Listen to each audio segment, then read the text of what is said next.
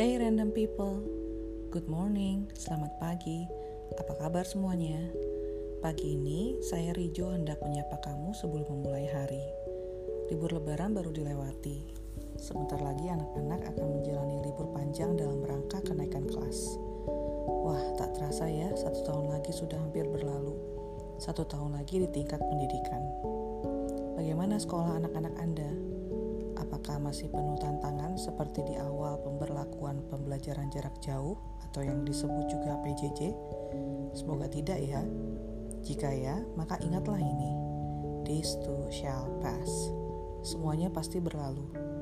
Apa yang sulit hari ini bisa jadi sepele besok. Tidak penting lusa, tidak lagi diingat minggu depan. Jangan patah semangat jika menghadapi masalah random people. Ambil napas, pikirkan baik-baik, dan lakukan apa yang kamu bisa. Bicara tentang anak-anak, bicara tentang sekolah mereka, mau gak mau kita bicara juga tentang pertumbuhan mereka. Their growth over the year. Biasanya pada akhir tahun ajaran, ketika menerima rapot anak, orang tua sering otomatis berpikir begini.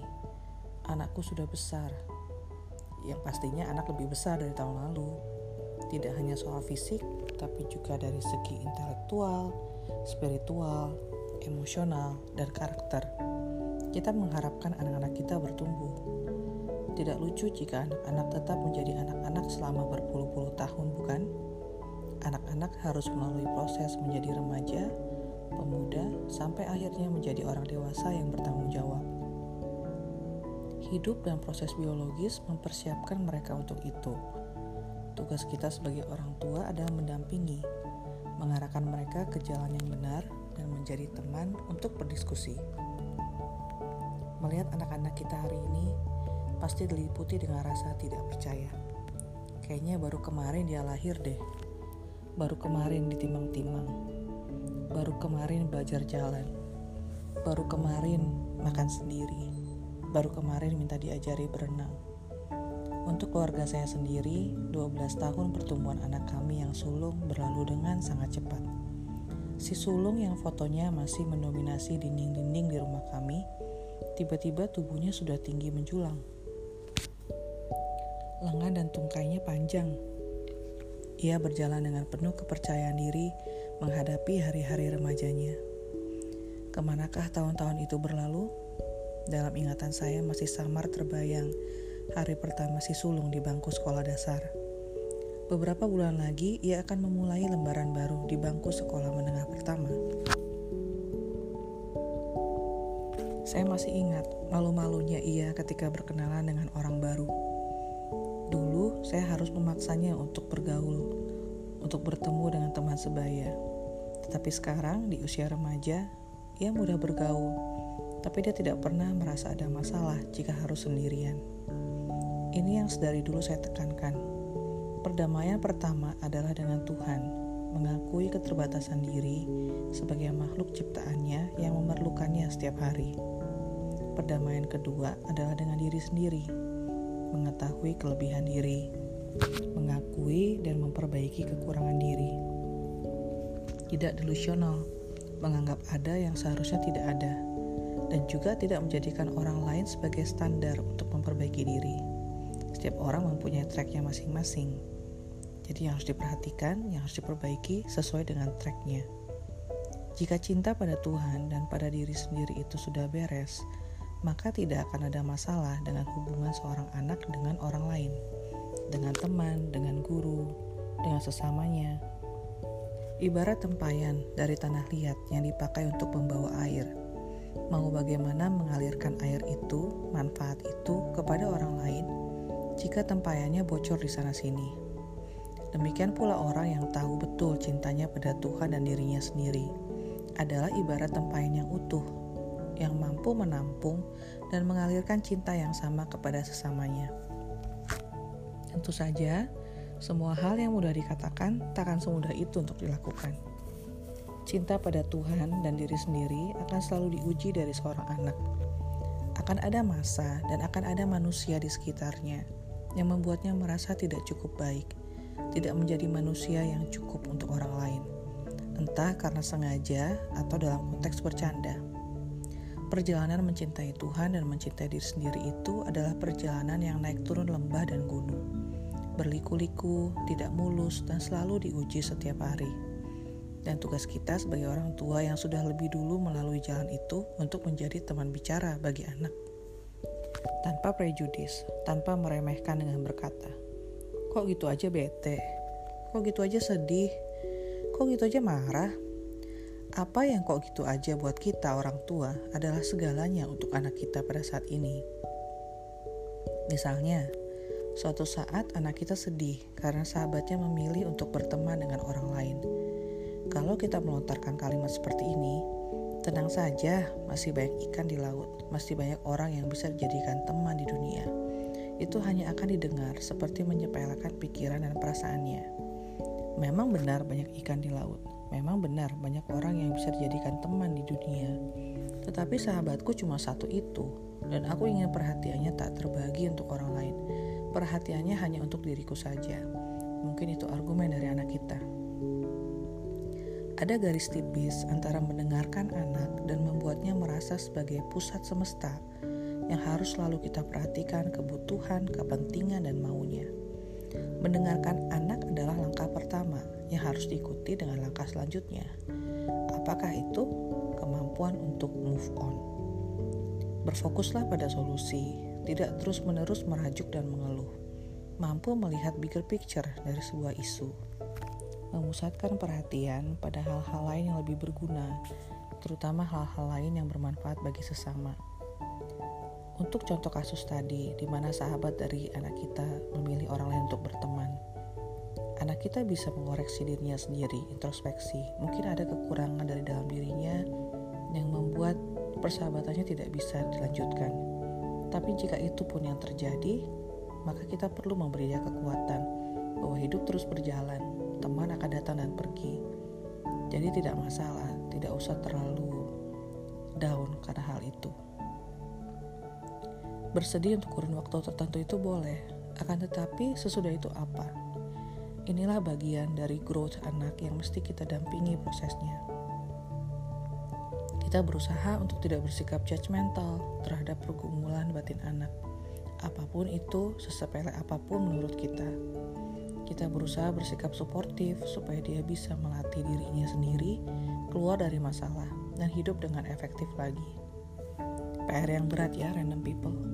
PR yang mustahil dilakukan sendiri oleh orang tua. Ini PR yang perlu kekuatan dari Tuhan dan dukungan penuh dari support system di sekitar kita. Seperti kata pepatah, it takes a village to raise a child. Apalagi kalau anak kita bersekolah di institusi formal. Tugas membesarkan anak itu kita bagi bebannya dengan sekolah dan guru. Saya pernah menulis di awal tahun ini, apa saja sih hal yang perlu dipertimbangkan ketika memilih sekolah untuk anak. Hal yang pertama, cek dulu apa yang diajar di sana. Hal yang kedua, siapa yang mengajarnya. Hal yang ketiga, baru cek infrastruktur dan fasilitas penunjang lainnya. Apa yang diajar? Ini yang paling krusial. Misalnya, keluarga kita mementingkan ibadah harian untuk anak-anak. Jangan masukkan anak kita ke sekolah yang menempatkan agama lebih rendah posisinya di bawah sains misalnya. Pilihlah sekolah yang visi misinya sesuai dengan visi misi kita sebagai keluarga. Setelah firm dengan apa yang diajar, cek siapa yang mengajar. Guru yang mengajar sesuai dengan pendidikan keguruan yang mereka tempuh tentu akan lebih qualified dibandingkan mereka yang berpendidikan non keguruan dan mengajar mata pelajaran yang tidak linear dengan bidang studi atau bidang keilmuan mereka. Jangan ragu untuk menanyakan kualifikasi dari tenaga pengajar dari sekolah yang sedang kita jejaki. Dan yang terakhir, cek infrastruktur dan fasilitas penunjang yang disediakan. Apakah sekolah tersebut memiliki visi menghasilkan siswa-siswi yang fasih berbahasa Inggris? Coba cek apakah mereka menyediakan lab bahasa untuk Inggris bagaimana kualitas perpustakaan dan buku-buku mereka, apakah ekstensif atau justru seadanya. Apakah sekolah tersebut memiliki visi menghasilkan siswa-siswi yang selalu bugar, sekolah yang tidak memiliki lapangan olahraga dan membiarkan siswanya melakukan senam di trotoar jalan raya tentunya tidak patut dipertimbangkan untuk anak kita. Growth Pertumbuhan anak-anak kita tidak terlepas dari pengaruh teman sebaya. Satu hal yang saya pribadi tekankan selama membesarkan si sulung selama 12 tahun ini adalah mengelilingi keluarga kami dengan keluarga-keluarga dengan teman-teman yang memiliki nilai-nilai kehidupan yang sama. Mengapa demikian? Karena pergaulan yang buruk dapat merusak kebiasaan yang baik. Sebagaimanapun baik kita berusaha mendidik anak-anak kita di rumah, begitu mereka keluar dari rumah, mereka seperti masuk ke kandang singa. Ada begitu banyak bahaya, kesempatan untuk menjadi tidak baik di luar sana. Kita sebagai orang tua hanya bisa memohon belas kasihan Tuhan yang Maha Hadir untuk menjaga anak-anak kita saat kita tidak berada di samping mereka. Saya mengakui saya membuat podcast ini dengan rasa haru, mengingat-ingat enam tahun yang panjang yang saya dan suami habiskan untuk mendampingi si sulung menempuh pendidikan di SD. Semua benih yang baik telah kami tabur dengan mencucurkan air mata. Bulan depan saatnya kami menuai dengan bersorak-sorai, bergembira atas kerja keras, kesusahan, air mata, dan penderitaan yang kami boleh alami sebagai orang tua saat mendampingi anak kami bertumbuh. Kami bersyukur untuk semua perselisihan, ketidaksepahaman, dan pemberontakan yang terjadi selama enam tahun ini yang menyadarkan kami akan satu hal. Menyadarkan kami berulang-ulang Menjadi orang tua adalah anugerah. Berfungsi sebagai orang tua adalah berkat yang harus dipertanggungjawabkan. Grow our baby grow. Masa depan terbentang di hadapannya dan juga di hadapan anak-anak Anda semua. Ajari ia berbuat baik hari ini supaya masa lalunya tidak penuh penyesalan dan masa depannya cerah. Ajari anak-anak kita untuk menghitung hari supaya hati mereka bijaksana dalam menyikapi hidup.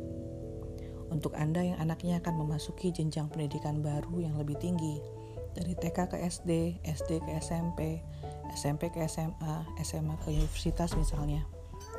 Selamat, kita berada pada tahun kedua pandemi, di mana upacara kelulusan secara langsung ditidakkan. Semuanya digantikan menjadi upacara secara online, dan itu tidak apa-apa. Diselenggarakan secara daring ataupun luring, kita tidak kehilangan makna upacaranya.